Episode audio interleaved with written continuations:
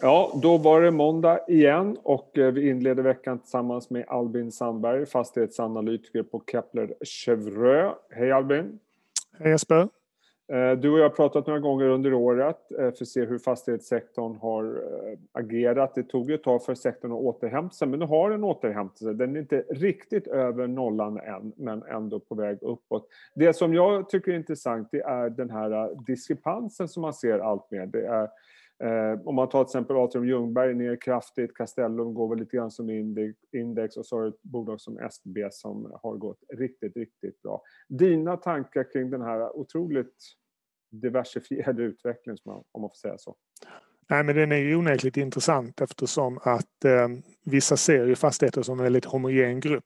Mm. Eh, det är inte så ofta man går in och diskuterar kanske enskilda aktier med jättestor konfidens utan man pratar liksom fastighetssektorn som, som, som, som grupp. Och eh, jag tror när man tittar då som du nämner SBB, vi ser även de som har hyresbostäder, logistik, alltså tre eh, segment som har varit hett under hela året och man skulle väl kunna nästan säga att de är absolut vinnare också eh, på en covid-19 situation någonstans. Ja. Medan precis som du är inne på då att retail hotell. Det mm. smittar ner aktien så att säga och jag tror att även om vi har sett den här positiva nyheterna kring vaccinet och så vidare så har väl folk också förstått att det tar, kan ta lite tid och mm. att innan det blir liksom all clear på de här andra bolagen så väljer man att, hålla sig till de som, som absolut går bra. Så att eh, jag tycker väl att det är naturligt på något vis eh, mm. att det är som det är. Och givet vad marknaden är nu så kanske jag inte ser att de här laggardsarna kommer ikapp eh, just detta kvartalet, men mycket möjligt inför 2021.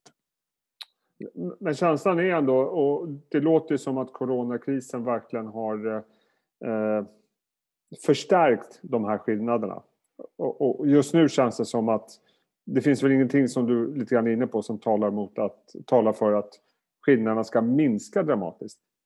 Ja, jag tror inte, inte på kort tid. Eh, det känns mm. som att tittar man ju på, som sagt på aktierna, de här kanske då rabattvärderingen som vissa av ja. de här aktierna har så tror jag att många, många vill se att det kommer lite triggers här så man verkligen ser att, att det kan vända så att vi inte pratar för mycket framtid helt enkelt. Och, och, de sektorer som du sa som har gått starkt och som kan fortsätta gå starkt, är, vi pratade logistik, vi pratade eh, eh, hyresrätter om jag förstod det rätt. Eh, vad kan vi mer ha Sam, där? Samhällsfastigheter. Samhälls, samhällsfastigheter, vilket då skulle mm. förklara SBBs framgång. Eh, om, om, man tittar på en annan eh, mätstock så är det, om man tittar på kvartalsrapporterna, vi har precis lämnat Q3. Vad skulle du säga om Q3-perioden jämfört med Q2? För då var ju liksom oron ganska stor för fastighetssektorn. Som sagt, det tog lång tid för sektorn att hämta sig. Ser man någon väsentlig skillnad som talar för att sektorn faktiskt går bättre än vad marknaden kanske hade räknat med? Men jag tror när man tittar lite på nyhetsflödet där under Q3 så var det väl Wallenstam som var först ut mm. och eh, så att säga återintroducerade då utdelningen för 2019 och motiverade i termer av att man tyckte så att säga att de kommersiella hyresgästerna började må lite bättre. Och sen så såg vi ju till exempel huvudstaden som annonserade ett återköpsprogram mm. och bara så sent som förra veckan kom ju Kungsleden med ett återköpsprogram. Så det är ju det är ett tecken på att, så att säga, man har pengar som man kan använda till annat än att bara rädda balansräkningen som kanske oron var under Q2. Sen kunde vi se andra mått eh, på till exempel eh, hyresbetalning och annat som också visade på en positiv trend. Så att Q3 skulle jag säga var definitivt sekventiellt bättre än Q2 och det adderar ju på lite konfidens, eh, vilket jag också tycker man kan då ge lite så att säga substans bakom den här ändå lite återhämtningen jämfört med vad vi såg första halvåret. Ehm, och sen efter Q3 naturligtvis nu så kommer det här med en, med en andra våg. Ehm, och det är klart att det innebär väl eh, på kort sikt då faktiskt lite sämre eh, skulle jag säga vad vi kanske trodde och hoppas på efter Q3.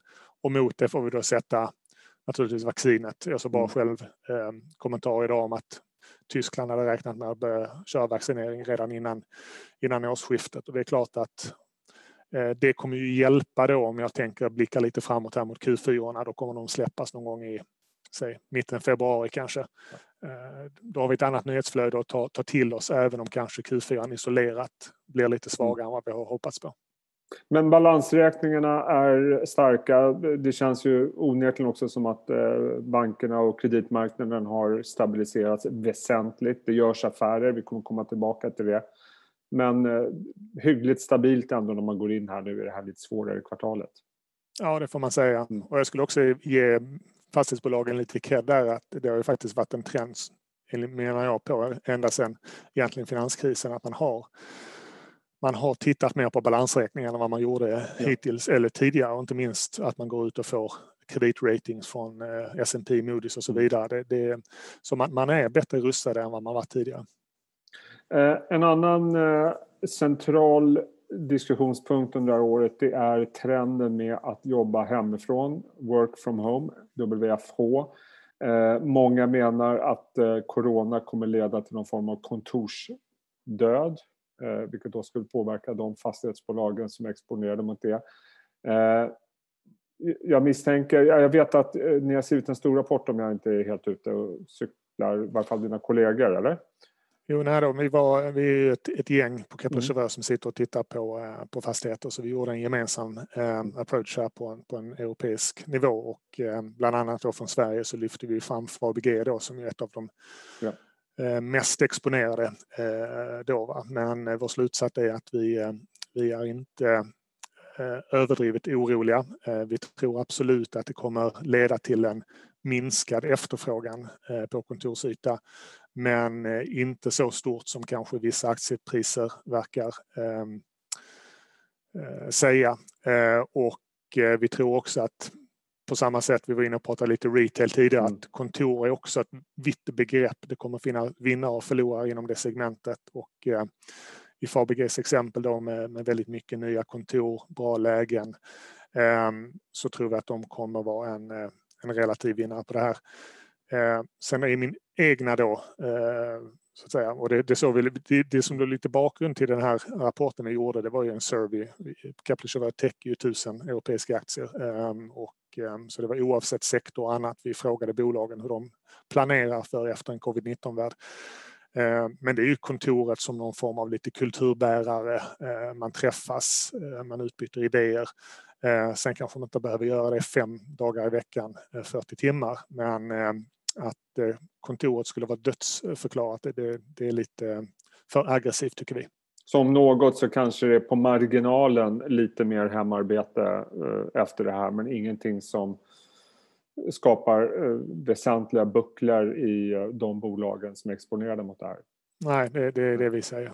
Och Fabege då, jag tror aktien är väl ner 15% i år. Den har inte hämtat sig eh, speciellt väl efter fallet. Eh, den är för lågt värderad då med tanke på den exponeringen de har och de lägena de har.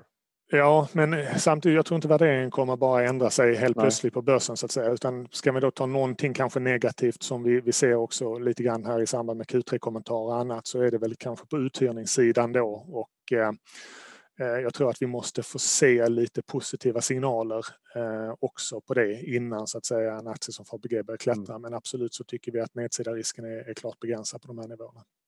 Och en annan sektor som, som vi har pratat om långt innan pandemin det är butiksstöden då som man, man glömmer lätt bort att där fanns det utmaningar långt innan pandemin att eh, det var på väg ner. Är det här sista spiken i kistan om man får säga så för, de, för traditionella butiker?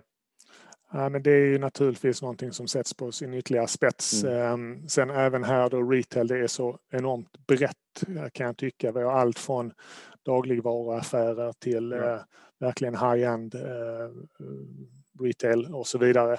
Eh, och eh, jag tror utslagningen mellan bra och dåligt eh, kommer ju bli än tydligare eh, efter den här krisen. Men lite på samma tema som kontor. Jag tror att retail kommer finnas kvar men ja. affärsmodellerna kommer naturligtvis behöva ändras. Jag menar, ett typiskt exempel om vi ska gå in på noterade bolag i huvudstaden har jobbat med till exempel en e-handellösning också, eh, e-commerce-lösning. Ehm, så att jag tror att man, man tvingas fram och, och anpassa sig helt enkelt. För, för, om man tittar på till exempel huvudstaden mot Atrium Ljungberg, två aktier som har gått väldigt svagt. Jag tycker allt fler pratar om att huvudstaden är, har blivit för billig, de har bra lägen. Eh, och så vidare medan Atrium Ljungberg kanske är lite svårare. Om du ställer de två aktierna mot varandra, är det huvudstaden då som kommer ut på topp eller? Ja, på kort sikt skulle jag nog vilja säga det därför att det, det finns ju någonting i, form av huvudstadens lägen som är väldigt svårt att replikera. Eh, och eh, som sagt, bygga nytt eh, inne i Stockholms innerstad eh, har ju inte visat sig vara det, det lättaste kanske. Mm. samma sätt, den har varit billig ett, ett tag nu. Jag tyckte det de gjorde med att initiera återköp mm. eh, under, under hösten, eh, det var naturligtvis eh, väldigt positivt och visat dem. Och man har ju dessutom, man står ju ut i den svenska fastighetssektorn med sin balansräkning. Det är ju i princip inga, ja det är klart de har skuldsättning, jag tror belåningsgraden ligger på 18 procent, snittet på 50 så det är en icke-fråga nästan. Sen när man jämför med Artur Ljungberg så tycker jag också att Artur Ljungberg har ju en ganska spännande projektportfölj ehm, så att det kommer ju kanske hända mer i Artur Ljungberg de närmsta vad ska vi säga, tre till fem åren. Och deras retail-andel eh, har ju faktiskt också kommit ner, vilket jag inte tror ehm, alla. Det, det nämns ofta som en av de här som har exponering mot retail och det har de naturligtvis, men det är ju inte huvuddelen av det. Eh, så att på sikt så tror jag att även Artur Ljungberg ska kunna eh, hämta tillbaka sig. Och du nämnde i början att en vinnare var logistikfastigheter och, och, det känns ju som, och inte minst med tanke på hur eh, att man går från butiker till att handla på nätet så, så kommer det ett ännu större behov av logistik. Och jag tänker på ett, en aktie som Catena till exempel. Är, är det de som fortfarande är de långsiktiga vinnare på den trenden vi har sett ett tag?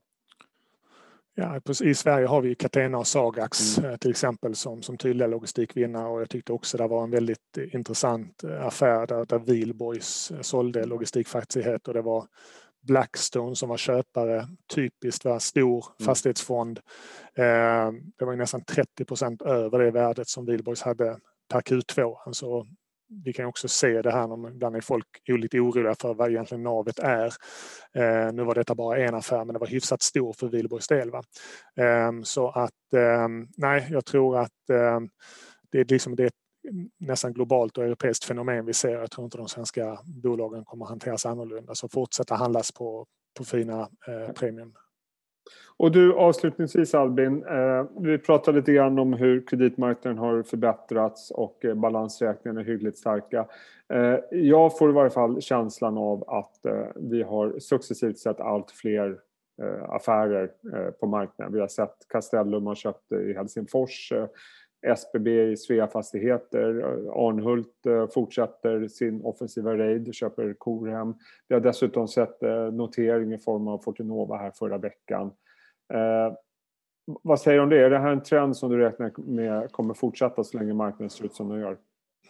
Jag skulle nog vilja säga att transaktioner generellt är ju väldigt positivt. Det, naturligtvis det tyder ju på att det finns tillgänglig finansiering, ja. Eh, att bolagen på något vis tittar bakom eh, covid-19 också för att liksom säkerställa tillväxt eh, även efter det. Fortinova är ett exempel, offentliga hus ett annat. Det visar ju att liksom, eh, vi pratat om det här med att ska liksom branschen konsolideras. Ändå ser vi att det finns efterfrågan på, på nya eh, aktier och min känsla är väl att det kommer ytterligare fler mm. fastighetsbolag eh, till börsen här den närmaste kanske 12 månadersperioden. Eh, Ehm, så det är naturligtvis positivt. Däremot så har vi väl inte riktigt sett ehm, de här jättestora affärerna ehm, än så länge. Då tänker jag liksom när vi får se några stora utländska eh, investerare komma tillbaka. Jag tror det är alltid hälsosamt att man ser att det inte bara är den inhemska efterfrågan som drar utan det är en mix av köpare. Men absolut så är det någonting positivt när vi ser den här affärsaktiviteten komma upp. Så att det här vi har pratat om tidigare du och jag eh, där vi har kommenterat att vissa andra personer har sagt att det är på tok för många fastighetsbolag i Sverige det är snarare så att vi kommer få ännu fler. Det skulle vara mitt tips de närmsta 12 månaderna i alla fall. Men eh, huvudsaken känns väl ändå som att fastighetssektorn, jag inledde med att säga att sektorn har återhämtat sig. Vi börjar närma oss eh, 0 här för helåret. Men du känner ändå att det finns mer att ge eh, utifrån de förutsättningar som finns? Ja, sen tror jag också man får komma ihåg det där också. Vi gick ju in i året med, med ett väldigt ja. bra 2019 så att säga. Va? Så att det var ju liksom tuffa komst. Det gick ju jättebra första månaderna också. Mm. Va? Sen så blev det någon form av liksom, eh, normalisering får man väl säga eh, fram till covid-19. Mm. Eh, och att vi nu ser den här liksom sakta men säkra återhämtningen. Jag tycker det, det visar lite av det som fastigheter över tid ska kunna göra. Att ändå vara relativt stabila över tiden. Eh, men eh, absolut att det fortfarande finns några liksom små hinder på vägen som vi måste över tror jag. Till exempel det här med uthyrningsaktiviteten. Mm. Vi vill se den komma tillbaka lite grann. Va? Och även där vittnade ju bolagen om att under hösten gradvis i varje fall fram till detta nu hände med andra vågen så, så verkar det ha skett en, en, mm. en gradvis ökande efterfrågan. Va? Och det, det är good enough så att säga. Och det gör väl också att utsikterna för 2021 tycker jag ser eh, ganska stabila och bra ut. Mm. Det låter bra. Eh, Albin Sandberg, tusen tack för att du tog tid att berätta om det här. Det ska bli kul att följa upp det här om ett par månader igen. Se vad vi är då. Förhoppningsvis med lite vaccin på marknaden också. Eh, ha det bra och sköt om det. Tack så mycket. Hej då.